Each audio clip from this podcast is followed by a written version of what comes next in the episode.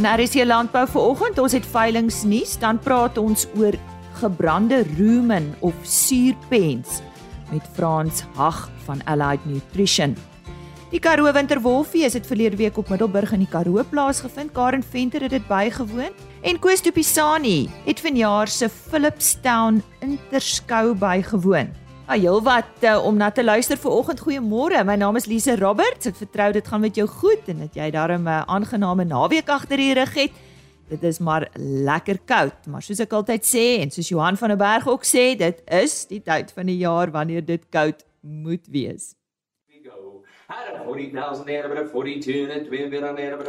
Om ek vertel jou van veilinge wat hierdie week en volgende week plaasvind op 5 Julie die Tiele Estates Braford veiling by Skikhoek in Paul Pietersburg op die 5de Julie. Dio Simbra se 8ste produksieveiling. Ek gesels so 'n bietjie later met Eugene Maree. Dis daar op De Wetstorp Op 7 Julie, die 25ste produksieveiling van UP George Bonsmaras en dis op hulle plaas daar in die Wasbank KwaZulu-Natal omgewing, aangebied deur AAM en Swiftvee en die afslaer is Brandon Leer.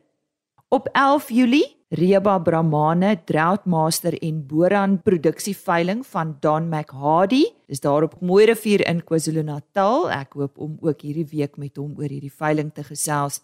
En op 12 Julie, die veiling van Lawrence Viljoen. Dis die 11de produksieveiling van Louku Charolais by die Vryburg skougronde. Uh, Daar's ook 'n onderhoud met hom geskeduleer op 13 Julie die 15de produksieveiling van Geland Simmentalers met Martiens de Jager. Dis daar by Vlaknek in die Koster distrik. Ek gaan ook met hom gesels. En ons het reeds vertel van die nasionale boran veiling van 15 Julie by die Afridome in Parys. Die olifantsklip borane Midnight Genetika sal ook te koop wees tydens die boran nasionale veiling en dis dan soos ek genoem het op 15 Julie. Heelwat veilinge wat uh, binne die volgende maand of so plaasvind, so luister uit vir ons veilingsonderhoude. Nou aan die woord Koos de Pisani, hy het die Philipstown Interskou bygewoon. Ons sal deur die loop van die week nog onderhoude uitsaai wat hy uh, daar opgeneem het. Johan Malan van Simonsig was een van die persone wat ook by die uh Philipstown Jongooi uh interskou was. Johan gee net vir ons 'n bietjie agtergrond oor die Simonsig wyne. Ja, Simonsig is 'n uh, familiebesigheid geleë buitekant Stellenbosch. Uh kom al uit my oupa se tyd uh in 1942 het hy daar aangekom en uh ek is nou derde geslag. En nou die volgende geslag is nou uh, my en my broer se kinders, hulle is uh, ook betrokke. Ehm um, maar Simonsig het eintlik 'n historiese uh, rol gespeel in die groei van die bedryf toe dit nog eintlik in sy kinderskoene was hier in die 60er jare want uh, my pa was Fransman en hy uh, het nie stil gesit in sy lewe nie. So Die eerste ding wat hy gedoen het was in 1968 om sy eie etiket te kry en en dit was Simon Sig en toe die eerste wyn te botteleer en self te bemark want mense moet onthou dat in daai stadium van die industrie se se ontwikkeling was dit meer algemeen om uh, vir 'n druiweboer of 'n wynboer om sy druiwe by 'n koöperasie te lewer en dan die koöperasie maak die wyn en verkoop dit aan een van die groothandelaars wat dan nou die etiket het en dit in die bemarking doen. So dit was nie normaal vir 'n private produsent om om sy om sy eie etikette en self te bemark. So dit was 'n taamlike groot stap vorentoe. Ehm um, en uh, mense kan ook net sien waar die bedryf was want ons Simonsig was op daai stadium maar slegs die 5de wynplaas of wynlandgoed in Stellenbosch wat sy eie etiket gehad het. Vandag is daar tussen 150 en 200 net net in Stellenbosch alleen. Ehm uh, so die ander ding wat daar uitgevloei het was dat uh die groot probleem met wyn is nie om dit te maak nie, maar om dit te verkoop. Dis dit is 'n baie kompeterende bedryf en om 'n naam te vestig. So toe sien hy maar hy moet die publiek kry om na die plase toe te ry en die wyn by die keller se deur te kom koop. En uh hy span toe saam met twee van sy groot uh wynmaak vriende Ehm um, Neil Huber was die eienaar van Spier Landgoed op daai stadium en Spat Sperling was die eienaar van uh Delheim. En hulle besluit toe maar hulle gaan die Stellenbosch wynroete begin en uh dit is toe in 1971 is dit uh van stapel gestuur. Nou ek dink vandag is dit nog een van die grootste toeriste aantreklikhede in die Wes-Kaap na die waterfront in Tafelberg dink ek is dit uh, omtrent so nommer 3 so dit dit het ook eintlik wyntoerisme afgeskop in Suid-Afrika want deesdae het het elke wynstreek het 'n wynroete maar daar's ook ander roetes wat toerisme uh, gekoppel is soos uh, die kreefroetes en so die walvisroete op die Weskus uh, die uh, en en dit is alles om mense te lok na die dorpe en die plekke Ehm um, en toerisme is 'n groot werkgewer in Suid-Afrika deesdae. Ehm um, baie van die beste restaurante in die land byvoorbeeld sit op wynplase ehm um, want natuurlik kos en wyn is is uh, sinoniem, dit gaan altyd saam. So dit het nog 'n groot uh, omwenteling teweeggebring. Watter prestasies het julle ehm um, gehad al met met Simon se wyne? Wel, ehm um, So 2 jaar terug uh, het ons die Diners Club wynmaker van die jaar trofee gewen wat uh, die kompetisie loop al meer as 40 jaar en dit gaan oor een spesifieke tipe of styl wyn vir 'n jaar en die kategorie was toe juis uh, Kap Klassiek en ons het dit gewen met uh, Simon se Kaapse Vonkel 2015. So dit is 'n baie prestigeryke uh kompetisie maar ehm um, Eh, dan is daar ook die Cup Classic Challenge wat uh die assosiasie wat ons gestig het ehm um, elke jaar reël om die om die beste Cup Classics in die land te ehm um, bekroon. En ons het verlede jaar twee goue medaljes gewen. Ons het die beste rosé gewen en die beste ehm um, nectar rosé wat ene is wat so 'n bietjie soeter is maar die die algehele wenner het ons al Ehm um, in die laaste 20 jaar het ons dit al 4 keer gewen. So ek ek dink ons baie trots daarop want eh uh, weer eens dis 'n uh, dis 'n spesialis kategorie. Daar's nie baie ehm um, kelders wat die nodige kennis of ervaring het. So ehm um, ja ons jy hou nooit eintlik op om te bou aan jou aan jou handelsmerk so dit die publiek heg waarde aan hierdie skoue en kompetisies want dit word gesien as ehm um, onafhanklike beoordeling. Ek kan vir jou sê die wyn is goed, maar as 'n ander ou dit sê, gaan jy dit meer glo want ek ek dink ek moet dit sê. ja. Ehm um, dit was Johan Malan wat so lekker gesels. Ehm um, ek is Koos de Pisani vir RSG Landbou op Philipsdale. Ons gesels nou oor 'n Simbra veiling wat hierdie week plaasvind. Staan in die Wetsdorp omgewing en ek gesels met Eugene Maree. Eugene, dit is die 8ste produksieveiling van Dio Simbra. Vertel ons bietjie van julle. Hi Lise. Dio Simbra is ek en my vrou Karlin. Die stoet het sy ontstaan in 2007 gehad, um, in die Vrystaat. So van 2013 tot einde 2022 ehm um, is die is die stoetery in die Oos-Kaap gewees in die Elliot omgewing. En einde 22 het ons 'n deel van die stoetery opgeskuif te Wetstorp omgewing toe in die Vry Suid-Vrystaat. So wat bied julle aan? Lees op ons veiling 5 Julie. Ehm um, is daar baie mooi aanbod van Simbra diere. Ons bied aan 20 geregistreerde Simbra bulle waaronder daar 'n paar potensiële stoetvaars is. Ons bied aan 3 semenlotte van beproefde stoetvaars. Dan het ons hierdie jaar die eerste keer geregistreerde verse 4 geregistreerde poenskopsverse ehm um, wat pragtig geserviseer is om September tot November te kalf en dan het ons so 25 kommersiële dragtige koeie en verse en ook ehm um, so 12 oop verse wat aangebied word. Eugene, waar vind die veiling plaas en wie bied dit vir julle aan? Lisa, die veiling geskied die 5de Julie by die Golfklub in De Westorp in die Vrystaat.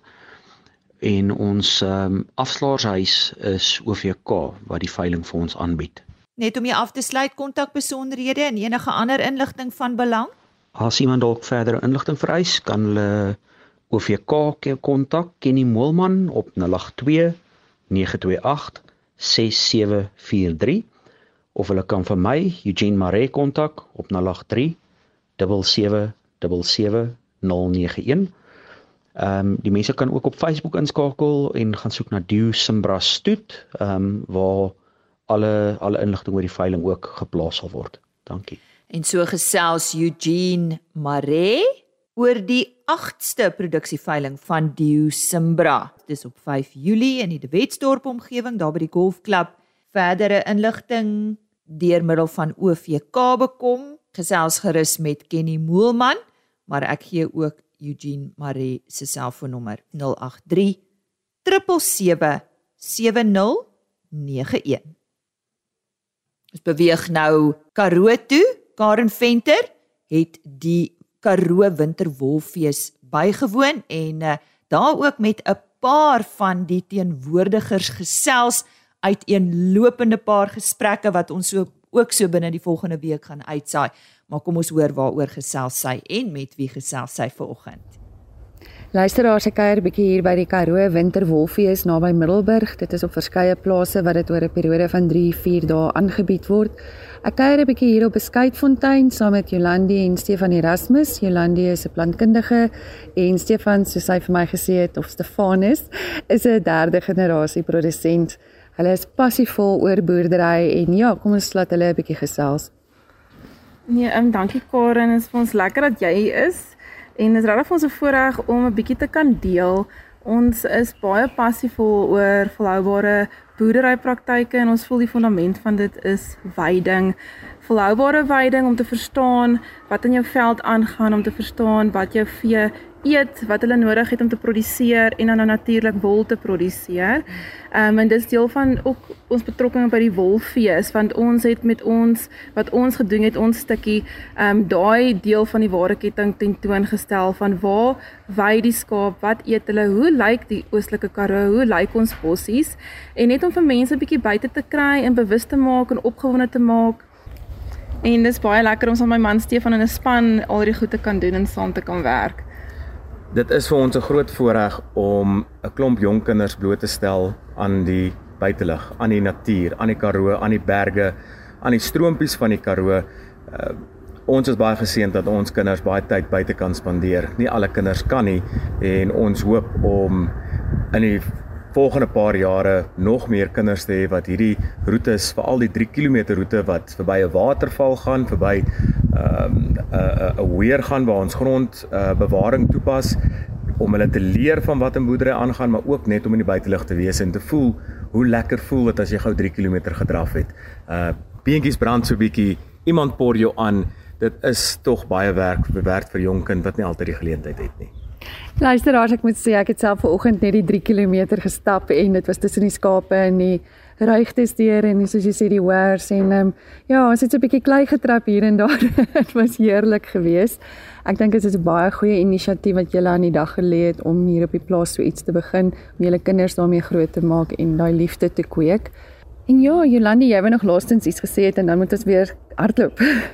ja, ek dink wat Stefan genoem het van die kinders, ek dink deel van wat so lekker is om 'n jeug en ehm um, vandag regtig baie jong kinders hier op Beskuitfontein te kon hê, is om hulle bloot te stel aan die boerdery gedeelte en om hulle te wys dat skaapboerdery in die Karoo eintlik iets regtig innoverend is en dat ons tegnologie gebruik en ehm um, en dit 'n omwindende uitdagende op 'n intellektuele vlak 'n bedryf is wat jy kan in beweeg en om hulle regtig opgewonde te maak dat hulle wil um, kom terugkom plaas toe in Karoo toe en kom boer en uh, ons moet op die einde van die dag 'n uh, biljoene mense kos gee en ons moet ons boere groot maak um, om hierdie volhoubare praktyke in plek te hê sodat ons dit kan doen lanktermyn.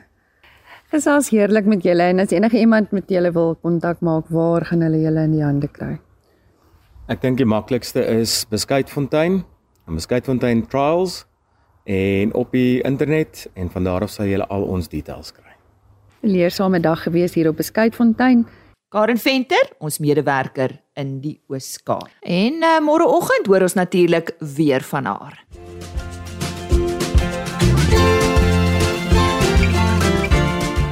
Gebrande roemens. Hoe groot is hierdie probleem werklik? Dis waaroor ons vandag gesels met Frans Hag. Hy is tegniese bestuurder by Allied Nutrition. Frans, dankie dat jy weer uh, saam met ons kuier en vir ons produsente inlig oor hierdie probleem en hoe om dit aan te spreek. Wat is gebrande roemens? Goeiemôre Lise en dankie vir die geleentheid om vanoggend weer saam te mag gesels. Nou gebrande roemens, dis ek dink 'n groot persentasie van die herkouers in ons land uh, word rantsoen gevoer wat hoog in stysel en of suikers is. Nou hierdie hoë energie rantsoen sorg natuurlik vir goeie groei en produksie. Nou aan die ander kant sit ons ook gras of rifoer in die rantsoen om die roemens gesonder te kry. Maar ongelukkig dra die rifoer nou nie baie by tot energie nie. Nou as ons nie 'n goeie balans kry tussen die energie aan die een kant en die rifoer aan die ander kant nie, dan word die risiko van suurpens groter en is baie keer moeilik om 'n goeie balans te hou. Elisa, as ons nou kyk na die stysel en die suiker wat in die room afgebreek word, ehm um, dan word wat ons noem vlugtige vetsure daarvan gemaak. Nou hierdie sure verlaag die die pH of die suurvlakke in die room. Nou dit is normaal, maar dan met die herkouer daai ophoof van sure in die room teenwerk. Verskillende maniere wat gebruik word is een is die die die herkouer produseer buffers en die speeksel wat dan teruggaan na die die rumen toe van die suur word geabsorbeer deur die rumenwand en ander sure vloei na die dun darm toe. Maar as hierdie aksies boogenoemde aksies nie voldoende is nie, begin die sure ophoop in die rumen en die pH verlaag dan. Wat dan gebeur word die sure fisies brand die rumenwand en ons verwys dan gewoonlik na as suurpens. uh, Frans, so watter skade veroorsaak suurpens? Dis 'n gewone kyk ons na twee tipe suurpens, die een is klinies, die ander is subklinies. Subkliniese suurpens is wat die pH in die rumen val tot so onder 5.8 en dit maak die rumenomgewing ongunstig vir 'n groot deel van die rumenorganismes. Maar die probleem is die die, die bees of die skaap voel nie siek nie. So hulle lyk nie siek nie, maar tog word die voer dan swakker verteer in die rumen en neem die produktiwiteit effektiwiteit daarvan af. En dis waar ons produsente die meeste geld verloor. Die bees groei swakker maar hy lyk nie siek nie. En daarom word die beeste nie behandel daarvoor nie. Aan die ander kant en heel wat minder diere ervaar dit kry ons kliniese suurpens. So dis iets wat ons kan sien van buite af. Dis wanneer die pH in die in die rumendaal onder 5.5 en hierdie klomp suur in die pens brand dan die die rumenwand Dit veroorsaak inflammasie en later word letsels gevorm.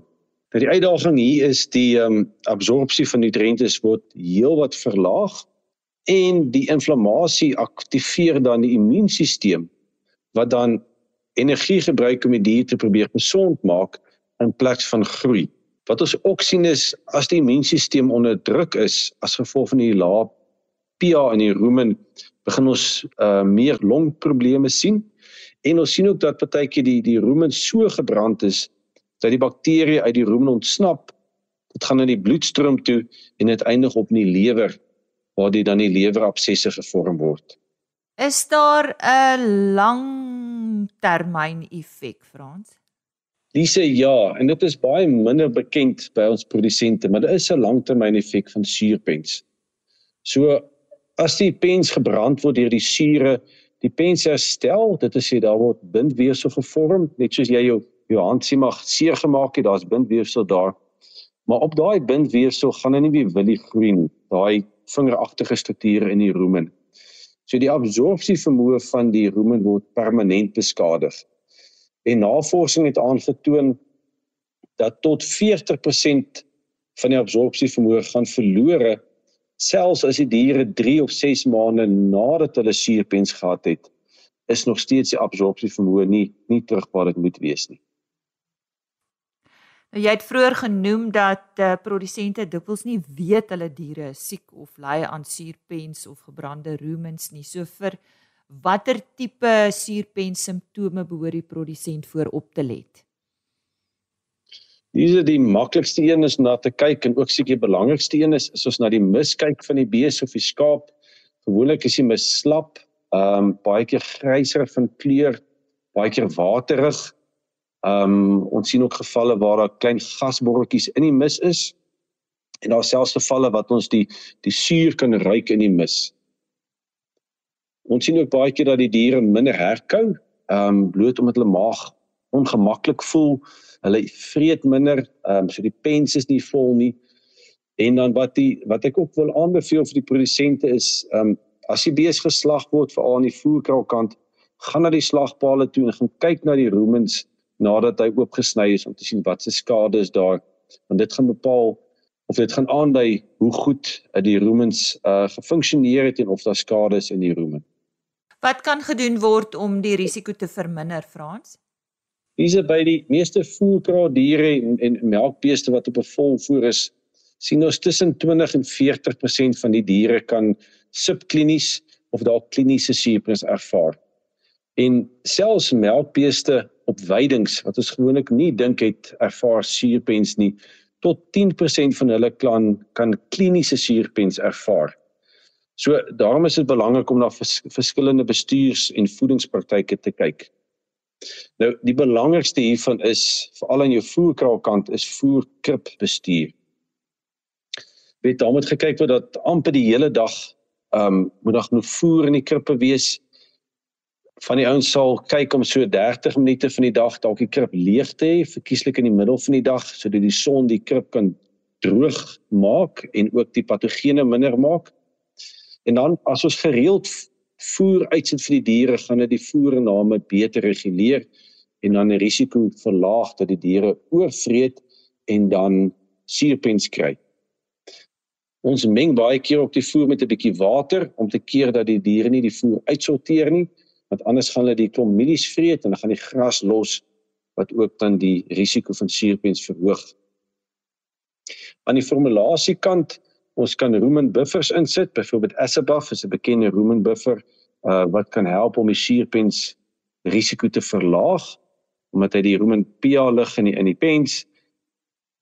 En ons kan ook kyk na um om om 'n buffer soos Asabuff of natriumbikarbonaat te gebruik omdat die rumen beter beskerm is, kan ons dalk weer bietjie meer energie in die rantsoen sit sonder die risiko van suurpens. Ook 'n ander bekende 'n bymiddel wat ons kan byvoeg is ionofore. Ehm um, beide by die voerkrul en die suiwelkoeie en dit reguleer ook tot 'n mate die diere se voername dat hulle nie oorvreet nie en dit beïnvloed die rumen mikroorganismes positief wat die risiko verlaag tot suur in die pens ophoop. Frans het vir ons baie goeie raad gegee vandag, maar indien daar produsente is wat graag meer inligting wil hê oor suurpens en die bestuur daarvan, Hoe kan hulle met jou kontak maak? Diese hulle is baie welkom om ons webtuiste te besoek. Dit is www.alliednutrition.com. Ons is ook baie aktief op Facebook en daar behoort ons kontakbesonderhede te kry om ons te kontak vir meer inligting. Nou so sê Frans Hag, hy is tegniese bestuurder by Allied Nutrition. Hy het vandag met ons gesels oor gebrande rumens of soos hulle ook verwys daarna as suurpens en kom ek herhaal net daardie webtuiste indien jy graag eh, met hulle wil gesels www.alliednutrition.com Lekker vol program gewees. Dankie vir jou tyd. RSC Landbou is beskikbaar op rsg.co.za indien jy daar wil gaan uh, soek vir die pot gooi en ek sluit af met die e-posadres rsglandbou@plaasmedia.co.za. Tot môreoggend. Totsiens. RSG Landbou is 'n plaas media produksie met regisseur en aanbieder Lize Roberts en tegniese ondersteuning deur Jolandi Root.